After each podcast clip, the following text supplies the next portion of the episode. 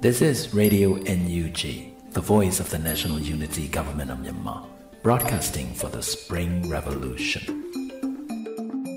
Radio NUG is transmitting from shortwave 16 meter 17.710 MHz daily at 8 a.m. and 25 meter 12 MHz at 8 p.m. Myanmar Standard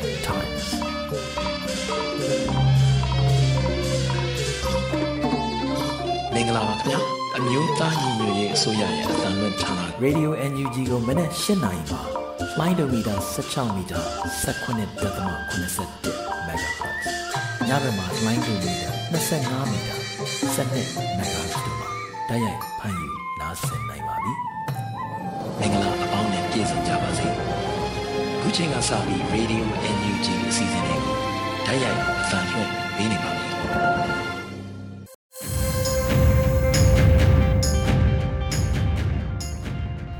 မြန်မာနိုင်ငံသူနိုင်ငံသားအပေါင်းတဘာဝပြီးစစ်အာဏာရှင်ဘေးတို့ကနေကင်းဝေးပြီးကိုယ်စိတ်နှပါကျမ်းမာလုံခြုံကြပါစေလို့ Radio NUG အဖွဲ့သားများကဆုတောင်းမေတ္တာပို့သလာရပါတယ်ရှင်။အခုချိန်မှစပြီးကာကွယ်ဝိညာဉ်ဌာနမှထုတ်ဝေသောစစ်ရေးတရေအကျဉ်းချုပ်ကိုတင်ဆက်ပေးသွားမှာဖြစ်ပါတယ်ရှင်။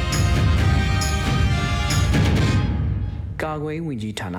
အမျိုးသားညီညွတ်ရေးအစိုးရမှထုတ်ဝေတဲ့နိုင်စဉ်စည်ရေးသတင်းချင်းချုပ်ကိုတင်ဆက်ပေးတော့မှာဖြစ်ပါတယ်။ ကျွန်တော်ຫນွေဦးလင်ပါပါ။စစ်ကောင်စီနဲ့တိုက်ပွဲဖြစ်ပွားမှုသတင်းတွေကိုတင်ဆက်ပေးကြပါမယ်။စကိုင်းတိုင်းမှာအောက်တိုဘာလ19ရက်နေ့နေ့လယ်2နာရီခန့်ကထီချိုင်းမြို့နယ်တေတော်ရွာကျော်မုတ်တထောင်ဖျားနီမှာစကားစဖောကားနှစ်စီးကိုဒေသခံကာကွယ်တပ်ဖွဲ့မှရှေ့ထွက်မိုင်းဆွဲတိုက်ခိုက်နိုင်ခဲ့ကြောင်းသိရှိရပါတယ်။ မကွေးတိုင်းမှာအောက်တိုဘာလ19ရက်နေ့မနက်9:00နာရီခန့်က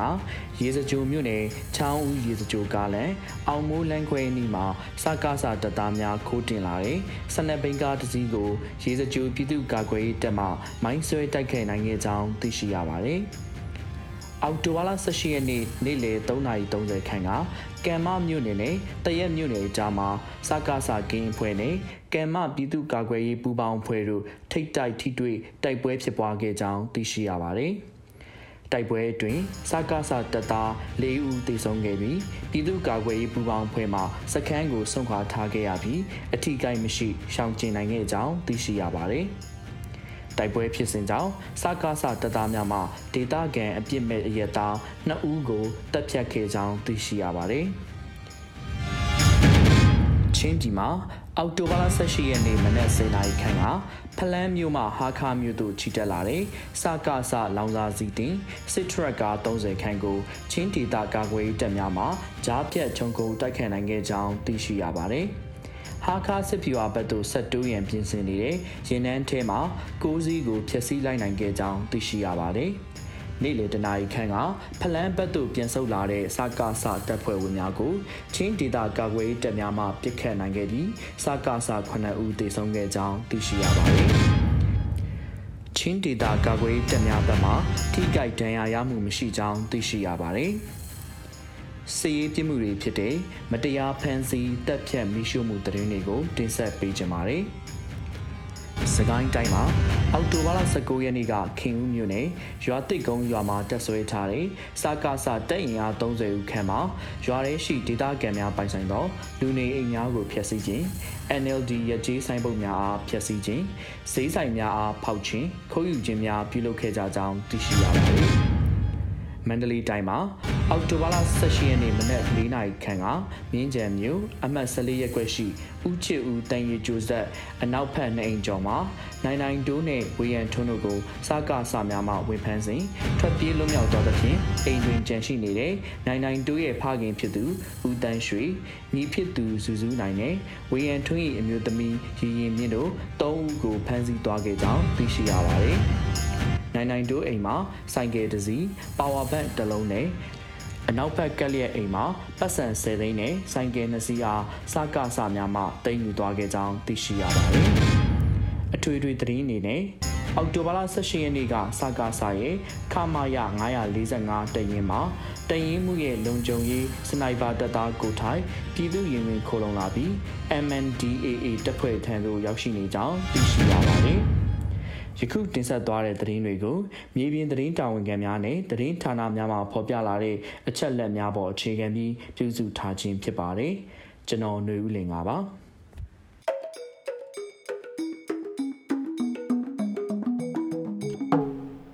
ရေဒီယိုအန်ယူဂျီမှာဆက်လက်အတန်းလွှင့်နေပါတယ်။အခုဆက်လက်ပြီးပြည်တွင်းသတင်းများကိုຫນွေဦးမောင်နဲ့ຫນွေဦးမွန်တို့မှတင်ဆက်ပေးသွားမှာဖြစ်ပါတယ်ရှင်။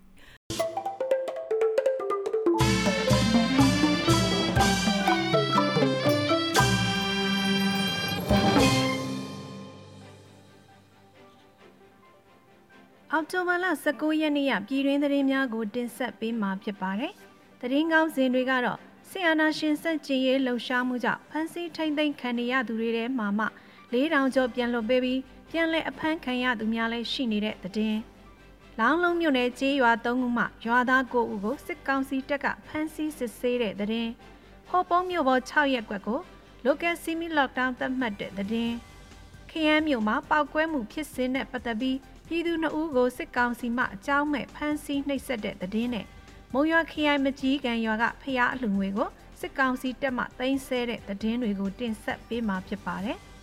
။ပထမဆုံးတင်ဆက်ပေးခြင်းတဲ့သတင်းကတော့စစ်အာဏာရှင်စန့်ကျင်ရေးလှုပ်ရှားမှုကြောင့်ဖမ်းဆီးထိန်သိမ်းခံရသူတွေထဲမှာမှ၄တောင်ကျော်ကိုပြန်လွှတ်ပေးပြီးပြန်လည်အဖမ်းခံရသူများလည်းရှိနေတဲ့ဆိုတဲ့သတင်းပဲဖြစ်ပါတယ်။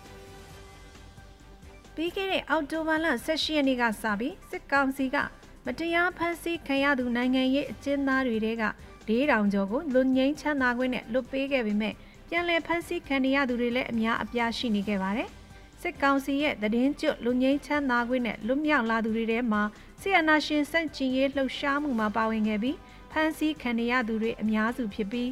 ပုံမှန်905ကာကြီးနဲ့ထောင်ဒဏ်ချမှတ်ခံခဲ့ရသူတွေလည်းဖြစ်ပါတယ်။ပြီးခဲ့တဲ့အောက်တိုဘာလ18ရက်နဲ့19ရက်နေ့မှာလွတ်မြောက်လာသူတွေထဲမှာမှ မိတ်ထီလာမှ12ဦးလိုက်ကော်မျိုးမှ2ဦးနဲ့ပေါင်းတဲထောင်မှ3ဦးတို့ဟာပြန်လည်အဖမ်းခံထားရပြီးတခြားပုံမှန်တွေနဲ့တရားပြန်ဆွဲထားတယ်လို့လက်တလောမှသိရပါတယ်။ရန်ကုန်မြို့အင်းစိန်ထောင်မှလူမြောက်လာသူတဦးကတော့ထွက်လာလဲကျွန်တော်တို့မပြောနိုင်ပါဘူးကျွန်တော်တို့နဲ့အတူမလွတ်သေးတဲ့သူတွေရှိနေသေးတယ်လွတ်ပေးလဲပြန်ဖမ်းရင်ဖမ်းမှာပဲဘာမှမှန်းလို့မရဘူးကျွန်တော်ဆိုအိမ်မပြန်ရဲဘူးပြန်လာဖမ်းမှာကြောက်တယ်လို့အမည်မဖော်လို့သူတဦးကပြောပါတယ် စစ်ကောင်စီရဲ့လူငိမ့်ချမ်းသာခွင့်နဲ့လွတ်မြောက်လာကြပေမဲ့ပြန်လည်ဖမ်းဆီးခံရမှာဆိုတဲ့ခံစားမှုတွေနဲ့ပြည်သူတွေဟာလုံခြုံရေးမှာစိုးရိမ်ပူပန်နေရဆဲပါကျမတို့လွတ်လာပြီးပျော်ရလဲခဏပဲတခြားမျိုးတွေမှာပြန်ဖမ်းခံနေရတယ်ဆိုတဲ့အတန်လဲကြားတယ်တည်င်းလဲတွေ့နေတော့နေရတာမလုံခြုံတော့ဘူးအိမ်မှာပဲနေရမလားဘယ်မှာနေရမလဲမသိတော့ဘူးမိဘတွေလည်းစိုးရိမ်နေကြတယ်လို့ဖန်အချင်းတောင်ကလွတ်လာသူအမျိုးသမီးကပြောပါတယ်စစ်ကောင်စီကအာဏာသိမ်းပြီးနောက်ပိုင်း အာဏာသိမ်းမှုကိုမလိုလားတဲ့ပြည်သူတွေကအာဏာသိမ်းဆန့်ကျင်တဲ့လှုပ်ရှားမှုတွေပြုလုပ်ပြီးနောက်ပိုင်းယနေ့အထိ AAPP ရဲ့စည်ရင်းအရမတရားဖမ်းဆီးခံရသူပေါင်း11032ဦးရှိတယ်လို့သိရပါတယ်။လက်ရှိမှာစစ်ကောင်စီမှလူငင်းချမ်းသာခွင့်နဲ့ပြန်လည်လွတ်ပေးမဲ့စည်ရင်းအရ4000ကျော်သာရှိပါတယ်။နောက်ထပ်သတင်းတစ်ပုဒ်ကတော့လောင်းလုံးမြို့နယ်ကျေးရွာ၃ခုမှရွာသား၃ဦးကိုစစ်ကောင်စီတပ်ကဖမ်းဆီးစစ်ဆေးတယ်ဆိုတဲ့သတင်းပဲဖြစ်ပါတယ်။ အောက်တိုဘာလ18ရက်နေ့ညကစစ်ကောင်စီတပ်သား20ခန့်ဟာတဝဲခရိုင်လောင်းလုံးမြို့နယ်အတွင်းမှာရှိတဲ့မောင်မကန်ကြောက်စင်းကျေးရွာသဘောစိတ်ကျေးရွာပြင်းကြီးကျေးရွာတို့ကိုဝင်ရောက်ပြီးရွာသား9ဦးကိုဖမ်းဆီးသွားကြောင်းဒေသခံကနေတဆင့်သိရပါဗျ။မောင်မကန်ကြောက်စင်းကျေးရွာမှဦးအေးလွင်ဦးစန်းလွင်ဦးတင်စိုးဦးထွန်းနိုင်တို့၄ဦးကိုဖမ်းဆီးပြီးနောက်သဘောစိတ်ရွာနဲ့ပြင်းကြီးကျေးရွာတို့မှာလည်းရွာသား9ဦးခန့်ကိုထပ်မံဖမ်းဆီးသွားကြောင်းဒေသခံတွေကပြောပါတယ်။ ရင်းဖမ်းဆီးခံသွားသူ9ဦးထဲမှာမှ9ဦးကိုယနေ့မနက်ကပြန်လာပို့ပေးကြောင်းသို့တော့ကြံ၄ဦးဖြစ်တဲ့ကြောက်စင်းကျေးရွာကဦးအေးလွင်ဦးစန်းလွင်ဦးတင်စိုးနဲ့ဦးထွန်းနိုင်တို့၄ဦးကိုဆက်လက်ဖမ်းဆီးထားကြောင်းဒေသခံတွေကပြောပါတယ်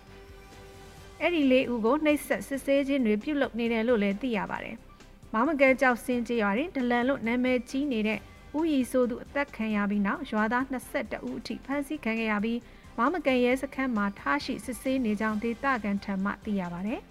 ။ဆက်လက်ပြီးကြန့်ရှိနေတဲ့သတင်းတွေကိုຫນွေဦးမောင်ကတင်ဆက်ပေးမှာဖြစ်ပါတယ်။ကျမຫນွေဦးမောင်ပါ။ ယခုဆက်လက်ပြီးကြန့်ရှိသတင်းများကိုကျွန်တော်ຫນွေဦးမောင်မှတင်ဆက်ပေးပါမယ်ခင်ဗျာယခုတင်ဆက်ပေးမယ့်သတင်းကတော့ဟိုပုံးမြို့ပေါ်6ရက်ကွက်ကို local semi lockdown အဖြစ်သတ်မှတ်ထားတဲ့သတင်းပဲဖြစ်ပါတယ် ပအို့ကိုပိုင်အုပ်ချုပ်ခွင့်ရဒေသဟိုပုံးမြို့နယ်ရှိမြို့ပေါ်ရက်ကွက်6ခုကိုယနေ့အောက်တိုဘာလ19ရက်မှနိုဝင်ဘာလ2ရက်အထိ local semi lockdown အဖြစ်သတ်မှတ်ထားကြောင်းသိရပါတယ်။ဟိုပုံးမြို့ပေါ်6ရက်ကွက်တွင်လက်ရှိအချိန်မှာ COVID-19 ရောဂါကူးစက်ပြန့်ပွားမှုအများဆုံးတွေ့ရှိနေရတဲ့အတွက်ရောဂါကူးစက်ပြန့်နှံ့မှုမရှိစေရေးစောင့်ကြည့်ထိန်းချုပ်ရန်လိုအပ်ကြောင်းတွေ့ရှိရတဲ့အတွက်ရင်းနယ်နမိတ် area အား local semi lockdown အဖြစ်သတ်မှတ်ဆောင်ရွက်ခြင်းဖြစ်ကြောင်းသိရပါတယ်။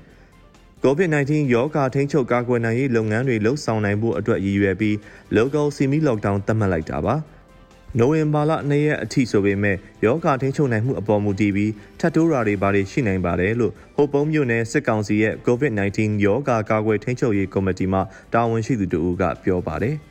အဆိုပါ area အတွင်းနေထိုင်သူတွေအနေနဲ့မဖြစ်မနေအပြင်ထွက်ရပါကသက်ဆိုင်ရာရက်ကွက်အုပ်ချုပ်ရေးမှုထံမှအပြင်ထွက်ခွင့်ကပ်ပြားရယူပြီးတအိမ်နှင်တဦးသာထွက်ရမည်ဖြစ်ကြောင်းနေ့လယ်တနာရီမှညနေ6နာရီအတွင်းနေအိမ်ပြင်ပသို့လုံးဝထွက်ခွာခြင်းမပြုရန်နှင့်စေယုံစေကန်တွားရောက်ပါကအုပ်ချုပ်ရေးမှုထံအကြောင်းကြားပြီးရေမောင်းတဦးအပါအဝင်3ဦးသာတွားရောက်ရမည်ဖြစ်ကြောင်းစတောက်ဆိုင်များအားလုံးပါဆယ်စနစ်ဖြစ်သာရောင်းချရမည်ဖြစ်ကြောင်း နေ့လယ်တနာရီမှစပြီးစေးဆိုင်များစေကန်များ73စီဆိုင်များမှအပကျန်းဈေးဆိုင်အားလုံးပိတ်သိမ်းထားရမည်ဖြစ်ကြောင်းသိရပါတယ်။ အလားတူဟိုပုံးမျိုးမဆယ်နဲ့နောင်ပိုကန်အနီးတွင် local semi lockdown ကာလအတွင်းရေချိုးခြင်းရေကူးခြင်းငားများခြင်းလဲပတ်ခြင်းတို့ကိုကန့်သက်ထားကြောင်းအခြားမြို့နယ်များမှဟိုပုံးမျိုးပေါ်ဖြတ်တန်းမောင်းနေမဲ့မော်တော်ယာဉ်တွေအားလုံးဟိုပုံးမျိုးပေါ်မှာလုံးဝရနာခွင့်ပြုမီမဟုတ်ကြောင်းနှင့်အထက်ပါတားမြင့်ချက်များကိုမလိုက်နာပါကစီမံခန့်ခွဲရေးနည်းလမ်းအရ၎င်းကူးစက်ရောဂါများကာကွယ်နေနေရေးဥပဒေအရ၎င်းအရေးယူဆောင်ရွက်သွားမည်ဖြစ်ကြောင်းသိရပါသည်။ဆက်လက်ပြီးတင်ဆက်ပေးမယ့်သတင်းကတော့ခ ရမ်းမြို့မှာပောက်ကွဲမှုဖြစ်စဉ်နဲ့ပတ်သက်ပြီးပြည်သူ့နှုတ်ဦးကိုစစ်ကောင်စီမှအကြောင်းမဲ့ဖမ်းဆီးနှိပ်စက်တဲ့သတင်းပဲဖြစ်ပါတယ်။ပြီးခဲ့တဲ့အော်တိုဘာလ18ရက်နေ့ကခရမ်းမြို့နယ်မှာပောက်ကွဲမှုဖြစ်ခဲ့ပြီးပြီးခဲ့တဲ့အော်တိုဘာလ18ရက်နေ့မှာခရမ်းမြို့နယ်မှာနေထိုင်တဲ့ပြည်သူနှုတ်ဦးကိုပောက်ကွဲမှုဖြစ်စဉ်နဲ့ပါဝင်ပတ်သက်မှုရှိတယ်လို့ဆွဆွဲကစစ်ကောင်စီမှအကြောင်းမဲ့ဖမ်းဆီးထားကြောင်းသိရပါတယ်။ဖမ်းခံရတာကကိုငယ်တူးနဲ့တူရောက်ဖာကိုဖမ်းသွားတာကိုငယ်တူးကကွန်းရံရောင်းနေတဲ့ဈေးတယ်ပါဗျာ။အကြောင်းမဲ့တက်တက်ကိုလာဖမ်းသွားတာ ဆိုင်တွေကိုဖျက်ဆီးပြတယ်သူတို့ကပောက်ကွဲမှုဖြစ်ပြီးဆိုတာနဲ့လှုပ်လို့မလှုပ်လို့အနီးမာနေထိုင်တဲ့သူတွေကိုဖမ်းတော့တာပဲလို့ခရမ်းမြို့မှာနေထိုင်တဲ့ပြည်သူတဦးကပြောပါတယ်ဖန်စီခံရတဲ့ကုန်းငယ်တူဟာအားကစားယုံမှာကွန်းရဆိုင်ဖွင့်ပြီးဈေးရောင်းစားနေသူဖြစ်ပြီးအဆိုပါအားကစားယုံမှာပောက်ကွဲမှုဖြစ်ခဲ့တာကြောင့်စစ်ကောင်စီမှလာရောက်ဖန်စီခေါ်ဆောင်သွားတာဖြစ်ပါတယ်။လက်ရှိမှာဖန်စီထားသူနှစ်ဦးမှာနှိပ်ဆက်စစ်ဆေးတာတွေခံနေရတယ်လို့လည်းသိရပါတယ်ခင်ဗျာ။ နောက်ဆုံးအနေနဲ့မုံရွာခရိုင်မကြီးကန်ရွာကဖျားအလူငွေကိုစစ်ကောင်စီတပ်မှတင်ဆက်သွားတဲ့တဲ့တင်ကိုတင်ဆက်ပေးပါမယ်။အောက်တိုဘာ15ရက်နေ့ကမကြီးကန်ရွာမှာဘုံပေါက်ကွဲမှုဖြစ်ပွားခဲ့တဲ့အတွက်စစ်ကောင်စီမှရွာအတွင်းဝင်ရောက်ရှာဖွေမှုတွေပြုလုပ်ပြီးပြည်သူတွေရဲ့ရွှေငွေနဲ့တန်မိုးရှိတဲ့ပစ္စည်းတွေအပြင်နှစ်200ပြည့်ဖျားအားလှူဒန်းရန်စုဆောင်းထားတဲ့ငွေတွေပါလူရက်တင်ဆက်ခဲ့တယ်လို့သိရပါတယ်။ ရွာတွေကရွာသူရွာသားတွေရဲ့ရွှေတွေကစံစီငွေတွေမကဘူးဖုန်းစစ်ကလည်းတိမ့်တယ်နောက်ပြီးဖះကိုလူဖို့ရွာကစုဆောင်းထားတဲ့ငွေ23သိန်းကိုလည်းလူယူသိမ်းဆဲသွားတယ်လို့ဒေသခံတအူးကပြောပါတယ်ရွာဖုန်ကြီးကျောင်းမှာအနံထားတဲ့ပြည်သူပိုင်ဆိုင်တဲ့ကားအစီး20ကိုလည်းအောက်တိုဘာ15ရက်နေ့မှာတစ်ကြိမ်အောက်တိုဘာလ16ရက်နေ့မှာတစ်ကြိမ်ခွဲပြီးတင်ဆက်သွားတယ်လို့လည်းဒေသခံတွေကပြောပြချက်အရသိရပါတယ်ခင်ဗျာ။ လက်ရှိအချိန်မှာမကြီးကန်ရွာကအားထားကကျောင်းမှာစစ်ကောင်စီကတပ်ဆွဲထားပြီးတော်တွင်စီးနှင်းရှာဖွေမှုတွေလည်းပြုလုပ်လျက်ရှိတယ်လို့သိရပါတယ်ခင်ဗျာယခုတင်ဆက်ပေးခဲ့တာကတော့အောက်တိုဘာ19ရက်နေ့ရပြည်တွင်းသတင်းများပဲဖြစ်ပါတယ်ဒီသတင်းများကိုကျွန်တော်ຫນွေဦးမောင်နဲ့မတ်ຫນွေဦးမွန်တို့မှတင်ဆက်ပေးခဲ့တာဖြစ်ပါတယ်ခင်ဗျာ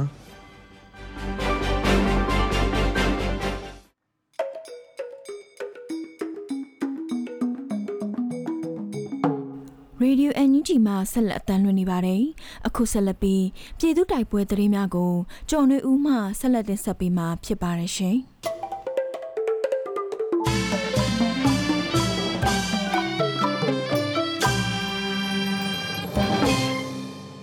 ပထမဆုံးအနေနဲ့ရေစကြိုချောင်းဦးလန်းစကစအဖွဲ့မိုင်းခွဲတိုက်ခိုက်ခံရတဲ့တဲ့ရင်ကိုတင်ဆက်ပေးသွားမှာပါ။မကွေးတိုင်းဒေသကြီးရေစကြိုချောင်းဦးကားလမ်းမှာအော်တိုဘာလ19ရက်မနက်က အကြမ်းဖက်စစ်ကောင်စီတပ်သားတွေတင်ဆောင်လာတဲ့စန္ဒဘိန်းကားတစ်စီးကိုရေစကြို PDF ကမိုင်းဆွဲတိုက်ခိုက်ခဲ့တယ်လို့ထုတ်ပြန်ပါတယ်။ရေစကြိုချောင်းဦးကားလမ်းအောင်မိုးလမ်းခွဲမှာဒီကနေ့မနက်9နာရီလောက်ကအကြမ်းဖက်စစ်ကောင်စီတပ်သားတွေကိုမိုးကအနက်အုတ်ခါခိုးဝက်တဲဆောင်လာတဲ့စန္ဒဘိန်းကားတစ်စီးကိုမိုင်းဆွဲတိုက်ခိုက်ရာထိခိုက်ဒေဆုံးမှုရှိနိုင်ပြီးတော့ဝရုံသုံးကားမောင်းပြေးသွားတယ်လို့ဆိုပါတယ်။ရေစကြို PDF တပ်ဖွဲ့ကဇွန်လ28ရက်နေ့ကနေအောက်တိုဘာလ19ရက်နေ့အထိစစ်အုပ်စုနဲ့ဒလန်တွေကိုဖောက်ခွဲတိုက်ခိုက်တာ 30ကြိမ်ပြုလုပ်ခဲ့ပြီးတော့အကြမ်းဖက်စစ်အုပ်စုဘက်က60ထဲမနည်းသေဆုံးပြီးတော့အများအပြားဒဏ်ရာရရှိခဲ့တယ်လို့ရေစကြို PDF ခေါင်းဆောင်ကပြောပါတယ်။အဲ့ဒီတိုက်ခိုက်မှုတွေကိုမဟာမိတ်တပ်ဖွဲ့တွေနဲ့ပူးပေါင်းတိုက်ခိုက်တာရှိသလိုရေစကြို PDF တပ်ဖွဲ့ကတီးတန့်တိုက်ခိုက်တာလည်းရှိတယ်လို့ဆိုပါတယ်။ဒါ့အပြင်အကြမ်းဖက်စစ်အုပ်စုရဲ့အဓိကစီးပွားရေးတောက်တိုင်တစ်ခုဖြစ်တဲ့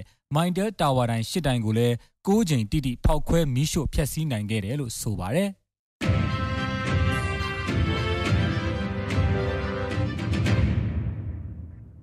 ဆက်လက်ပြီးမကွေးတိုင်းတရက်မြို့မှာကင်းလှည့်နေတဲ့စစ်ကောင်စီတပ်ကို PDF နှစ်ဖွဲ့ပူးပေါင်းတိုက်ခိုက်ခဲ့တဲ့တဲ့တင်ကိုတင်ဆက်ပါမယ်။မကွေးတိုင်းဒေသကြီးတရက်မြို့နယ်မှာလည်းအော်တိုဘာလ18ရက်နေ့ညနေပိုင်းကအကြမ်းဖက်စစ်အုပ်စုကိုတရက် PDF နဲ့ကံမ PDF တို့နှစ်ဖွဲ့ပေါင်းတိုက်ခိုက်ခဲ့ရာစစ်ကောင်စီဘက်က3ယောက်သေဆုံးပြီးတအူးဒဏ်ရာရသွားတယ်လို့တရက် PDF တပ်ဖွဲ့ကနေသိရပါဗျ။တရက်မြို့နယ်ပုံနာကြေးရွာအနီးမှာမနေ့ညနေ3နာရီခွဲလောက်ကစိုင်ကယ်နဲ့ကင်းလှည့်နေတဲ့စစ်ကောင်စီတပ်သား6ယောက်ကိုတိုက်ခိုက်ခဲ့တာဖြစ်ပြီး ပူပေါင်းအဖွဲ့ကအထိကိအကြဆုံးမရှိဘဲအောင်အောင်မြင်မြင်ဆုတ်ခွာနိုင်ခဲ့ကြတယ်လို့ဆိုပါတယ်။အဲ့ဒီတိုက်ပွဲဖြစ်ပွားပြီးခဏအကြာမှာတော့အကြမ်းဖက်စစ်အုပ်စုတွေဟာခီးသွွားပြည်သူနှစ်ယောက်ကိုပြစ်တက်သွားတယ်လို့ကြားသိရပြီးအဲ့ဒီပြစ်တက်ခံရတဲ့ပြည်သူတွေဟာဘယ်နယ်ကလဲဆိုတာကိုတော့အတိမပြုတ်နိုင်သေးဘူးလို့ပြောပါတယ်။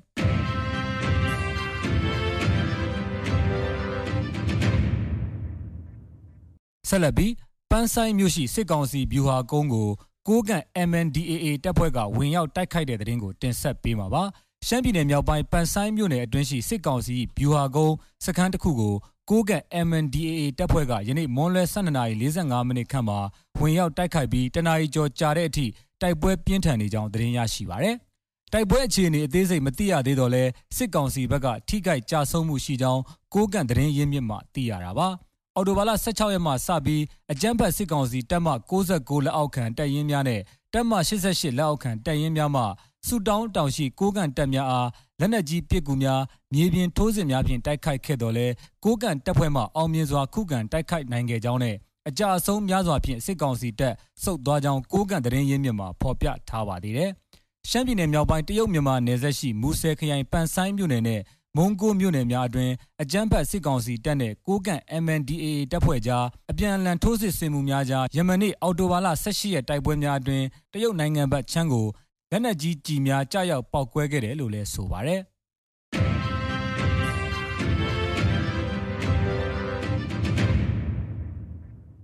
နောက်ဆုံးအနေနဲ့အမျိုးသားညီညွတ်ရေးအစိုးရပြည်ထောင်စုနဲ့လူဝင်မှုကြီးကြပ်ရေးဝန်ကြီးဌာနက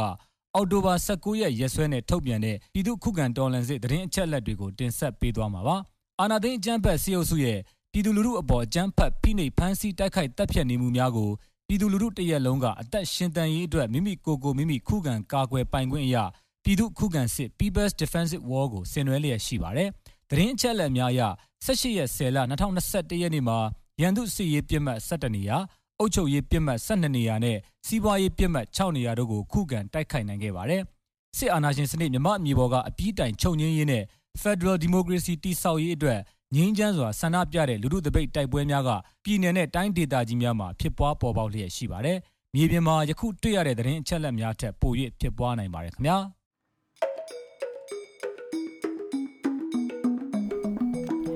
Radio NUG မှာဆက်လက်အတန်းလွှင့်နေပါတယ်။အခုဆက်လက်ပြီးနေ့စဉ်သတင်းများကိုမတ်ထထအင်ဒရာအောင်မှတင်ဆက်ပေးသွားမှာဖြစ်ပါတယ်ရှင်။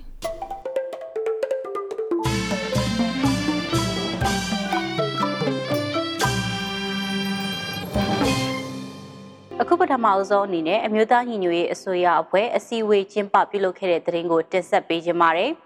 အမျိုးသားညီညွတ်ရေးအစိုးရအဖွဲ့အစည်းအဝေးကိုဒီကနေ့အောက်တိုဘာ19ရက်နေ့မနက်10:00နာရီမှာကျင်းပခဲ့တယ်လို့သိရပါတယ်။ယာယီသမရာကြီးကအာဆီယံရဲ့ဆုံးဖြတ်ချက်နဲ့စစ်ကောင်စီပေါ်ကြောက်အောင်နေတဲ့ PR တွေကပြည်သူတွေအတွက်ဝမ်းမြောက်ဖွယ်နေရဖြစ်ခဲ့ကြောင်းစီးပွားရေးပိတ်ဆို့မှုတွေနဲ့ပတ်သက်လို့အခြေခံပြည်သူလူထုကိုကြီးမားစွာထိခိုက်စေနိုင်တဲ့အရာကိုသတိထားမှဖြစ်ကြောင်း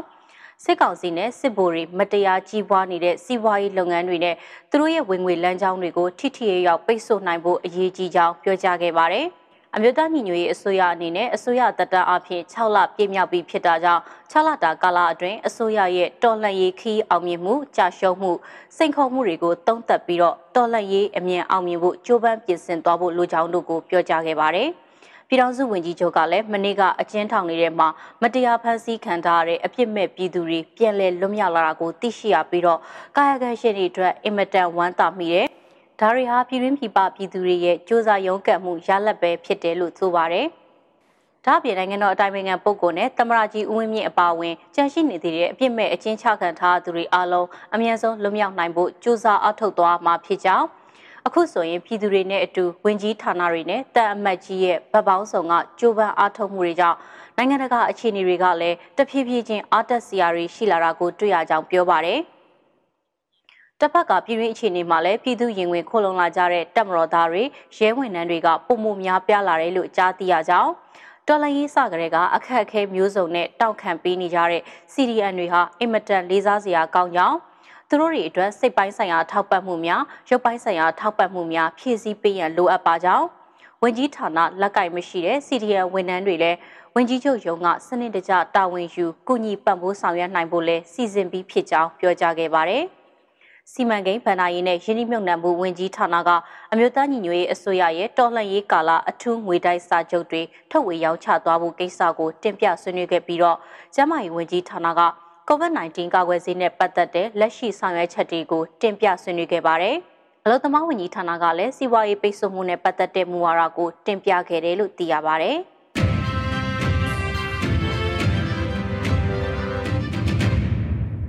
ဆက်လက်ပြီးတော့မင်းအောင်လှိုင်မိသားစုပိုင်လုပ်ငန်းတွေနဲ့စစ်တပ်ပိုင်လုပ်ငန်းတချို့ကိုအကြမ်းဖက်စီးပွားရေးလုပ်ငန်းတွေအဖြစ်အမျိုးသားညီညွတ်ရေးအစိုးရကကြေညာလိုက်တဲ့သတင်းကိုတင်ဆက်ပေးကြပါမယ်။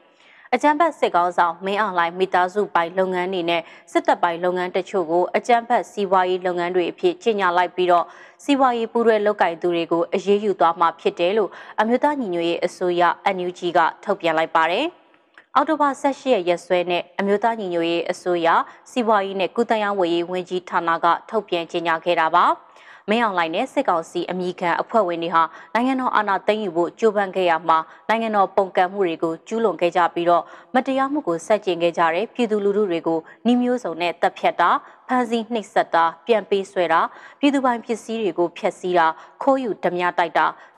စတဲ့အကြမ်းဖက်စစ်ရာဇဝဲမှုတွေကိုကျူးလွန်ခဲ့ကြတယ်လို့ကြေညာချက်မှာဖော်ပြထားပါတယ်။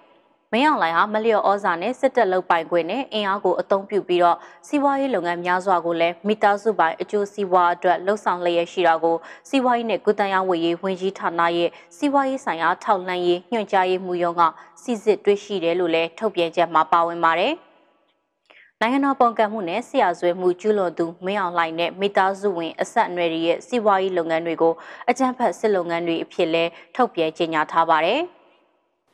အဲဒီလုပ်ငန်းတွေကတော့ ANM Maha Food and Medical Product Company, Sky One ဆောက်လုပ်ရေးကုမ္ပဏီ, The Yangon Restaurant, Yangon Gallery ပကြီးပြကံ, Everfit Company, Seven Sun Company Limited ရုပ်ရှင်ထုတ်လုပ်ရေးနဲ့ဖျော်ဖြေရေးလုပ်ငန်းကုမ္ပဏီ, Stella Seven Company Limited Azura Beach Resort ကမ်းခြေအပန်းဖြေစခန်း6နာအောင်မြင့်မုံမင်းအာမခံကုမ္ပဏီမိုက်တဲဆက်သွယ်ရေးကုမ္ပဏီဖုံမြက်ပြည်စုံကုမ္ပဏီလီမိတက်ကန်တာယာဆေးရုံ Juice မြန်မာ Music Platform ပူမန်ဟိုတယ်မန္တလေးငင်းချမ်းပြည်စုံအဝေးပြေးကားဂိတ်မိုးကောင်းရတနာမိခင်နဲ့ကလေးအထူးကုဆေးရုံတို့ဖြစ်ပါတယ်။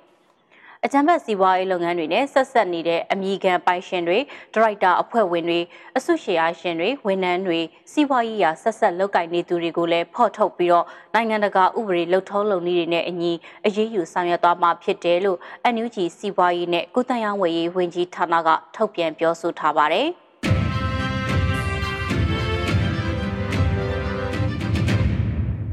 ဆက်လက်ပြီးဒေါအောင်ဆန်းစုကြည်နဲ့သမရဦးဝင်းမြင့်အပါအဝင်နိုင်ငံရေးအကျဉ်းသားအလုံးကိုပြန်လွှတ်ပေးဖို့နဲ့မြန်မာနိုင်ငံသားတွေရဲ့လူအခွင့်အရေးကိုကာကွယ်ပေးဖို့ကုလသမဂ္ဂတာဝန်ရှိသူတွေကထပ်မံတောင်းဆိုလိုက်တဲ့သတင်းကိုတင်ဆက်ပေးပါမယ်။မြန်မာနိုင်ငံအတွင်းနိုင်ငံရေးအကျဉ်းသားတွေကိုပြန်လွှတ်ပေးနေတဲ့အစီရင်ခံစာတွေနဲ့ပတ်သက်ပြီးတော့အသေးစိတ်အချက်လက်တွေရယူဖို့ကြိုးစားနေတယ်လို့ကုလသမဂ္ဂအတွင်းမှုချုပ်ရောပြောခွင့်ရစတက်ဖာနီဒူဂျာရက်ကအောက်တိုဘာ18ရက်ကသတင်းစာရှင်းလင်းပွဲမှာပြောလိုက်ပါတယ်။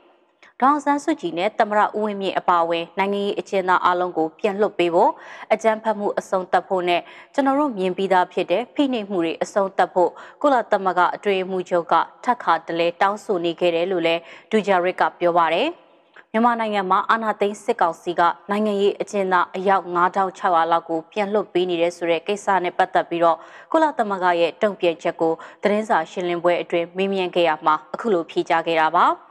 နိုင်ငံရေးကျင်းသားတွေကိုပြန်လွှတ်ပေးတာဟာနိုင်ငံတကာနဲ့ပြည်တွင်းဖိအားတွေကြောင့်ဖြစ်ပြီးတော့အကြံဖတ်စေအုပ်စုကသဘောထားပြောင်းလဲလာတာမဟုတ်ဘူးလို့ကုလအထူးကိုယ်စားလှယ်တွန်အန်ဒရူးကလည်းပြောကြားထားပါတယ်။စေအုပ်စုအနေနဲ့ဖန်စီထိမ့်သိမ်းခံထားသူတချို့ကိုပြန်လွှတ်ပေးတဲ့အပေါ်ကြိုဆိုပေမဲ့ဒါဟာအာဏာသိမ်းမှုဖြစ်စဉ်အတွင်းမတရားဖန်ဆီးခံထားတဲ့သူတွေဖြစ်တဲ့ဆိုတာကိုမမေ့ကြဖို့သူကဆက်ပြောထားပါတယ်။အကြမ်းဖက်စစ်အုပ်စုအနေနဲ့ငွေကြေးလက်နက်နဲ့တရားဝင်မှုကိုနိုင်ငံတကာအတိုင်အဝန်းကနေရရှိဖို့ကြိုးပမ်းနေပြီးတော့ လာမယ့်အာဆီယံအစည်းအဝေးမှာအကြံဖက်စစ်ကောင်းဆောင်ကိုမဖိတ်တာနဲ့ကုလသမဂ္ဂမှာစေအုပ်စုကိုယ်စားလှယ်နေရာမရတာဟာစေအုပ်စုရဲ့တရားဝင်မှုကိုညှင်းပယ်လိုက်တာလို့တွန်အန်ဒရူးကဆိုပါတယ်။နိုင်ငံတကာအတိုင်အဝန်းအနေနဲ့ငွေချေးလက်နက်နဲ့တရားဝင်မှုကိုဆက်လက်ဖိအားပေးနိုင်မယ်ဆိုရင်မြန်မာနိုင်ငံသားတွေရဲ့လူအခွင့်အရေးကိုကာကွယ်ပေးရရောက်မယ်လို့လည်းသူကပြောပါတယ်။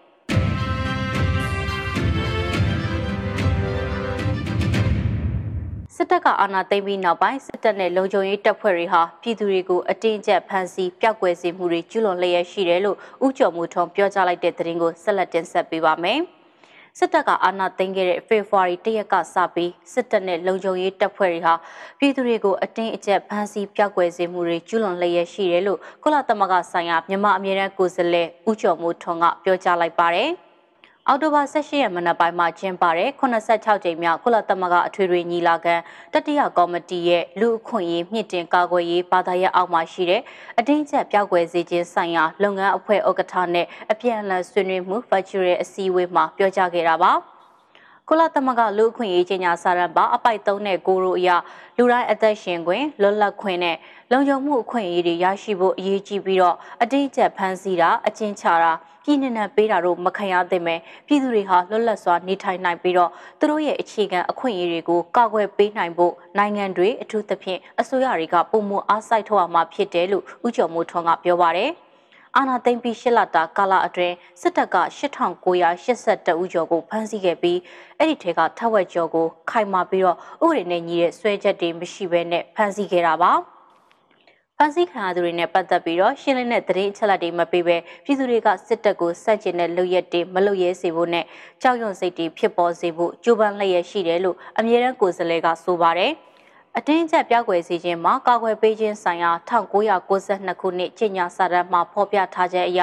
အခုလိုမြန်မာစစ်တပ်ရဲ့စနစ်တကျကျူးလွန်နေမှုတွေဟာလူသားမျိုးနွယ်ပေါ်ကျူးလွန်တဲ့တခြားပြစ်မှုတစ်ခုပင်ဖြစ်တယ်လို့သူကပြောကြားခဲ့ပါတယ်။မြန်မာပြည်သူတွေအနေနဲ့သူတို့ရဲ့အခြေခံအခွင့်အရေးလွတ်လပ်ခွင့်နဲ့အကာအကွယ်ရယူခွင့်တွေကိုအပြည့်အဝခံစား권ရှိသည်ဖြစ်ရာကုလသမဂ္ဂရဲ့အရေးပါတဲ့ဘာသာရပ်ဆိုင်ရာတာဝန်ရှိသူတွေအနေနဲ့ မြန်မာနိုင်ငံမှာရှိတဲ့ဖန်စီထိန်သိမ်းခံရသူတွေရဲ့အခွင့်အရေးကိုကာကွယ်ပေးရေးနဲ့သက်ဆိုင်တဲ့နည်းလမ်းတွေကိုနိုင်ငံတကာအတိုင်အဝန်းနဲ့သက်ဆိုင်သူတွေကိုဘယ်လိုအကြံပြုနိုင်မလဲဆိုတာသိရှိလိုပါတယ်လို့လည်းဥကျော်မိုးထွန်းကမေးမြန်းခဲ့ပါတယ်။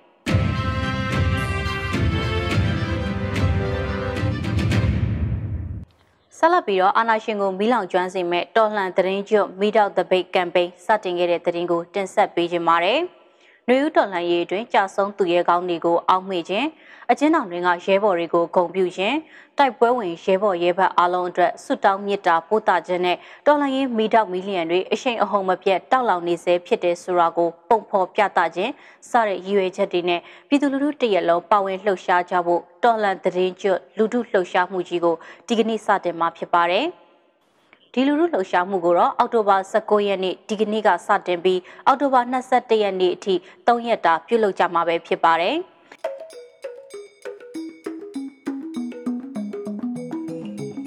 ဒီကနေ့တော့ဒီညနဲ့ပဲ Radio NUG အစီအစဉ်လေးကိုကိတ္တရန်နာလိုက်ပါမယ်မြမစံတော်ချိန်မနေ့၈နာရီညနေ၈နာရီတို့မှာပြန်လည်တွေ့ဆုံကြပါစို့ Radio NUG ကိုမနေ့၈နာရီမှာလိုင်းဒိုမီတာ16မီတာ 19.87 MHz ညဘက်မှာလိုင်းဒိုမီတာ25မီတာ12 MHz တို့မှာတိုက်ရိုက်ဖမ်းယူနားဆင်နိုင်ပါပြီမြန်မာနိုင်ငံသူနိုင်ငံသားများကိုစိတ်နှပြချမ်းမာချမ်းသာလို့ဘေးကင်းလုံခြုံကြပါစေလို့ Radio NUG အဖွဲ့သူအဖွဲ့သားများဆုတောင်းပေးလိုက်ပါတယ်။အမျိုးသားညီညွတ်ရေးအစိုးရရဲ့ဆက်သွယ်ရေးသတင်းအချက်အလက်နဲ့ဤပညာဝန်ကြီးဌာနကထုတ်လွှင့်နေတဲ့ Radio NUG ဖြစ်ပါတယ်။ San Francisco Bay Area အခြေစိုက်မြန်မာမိသားစုများနဲ့နိုင်ငံတကာကစေတနာရှင်များလှူအားပေးများရဲ့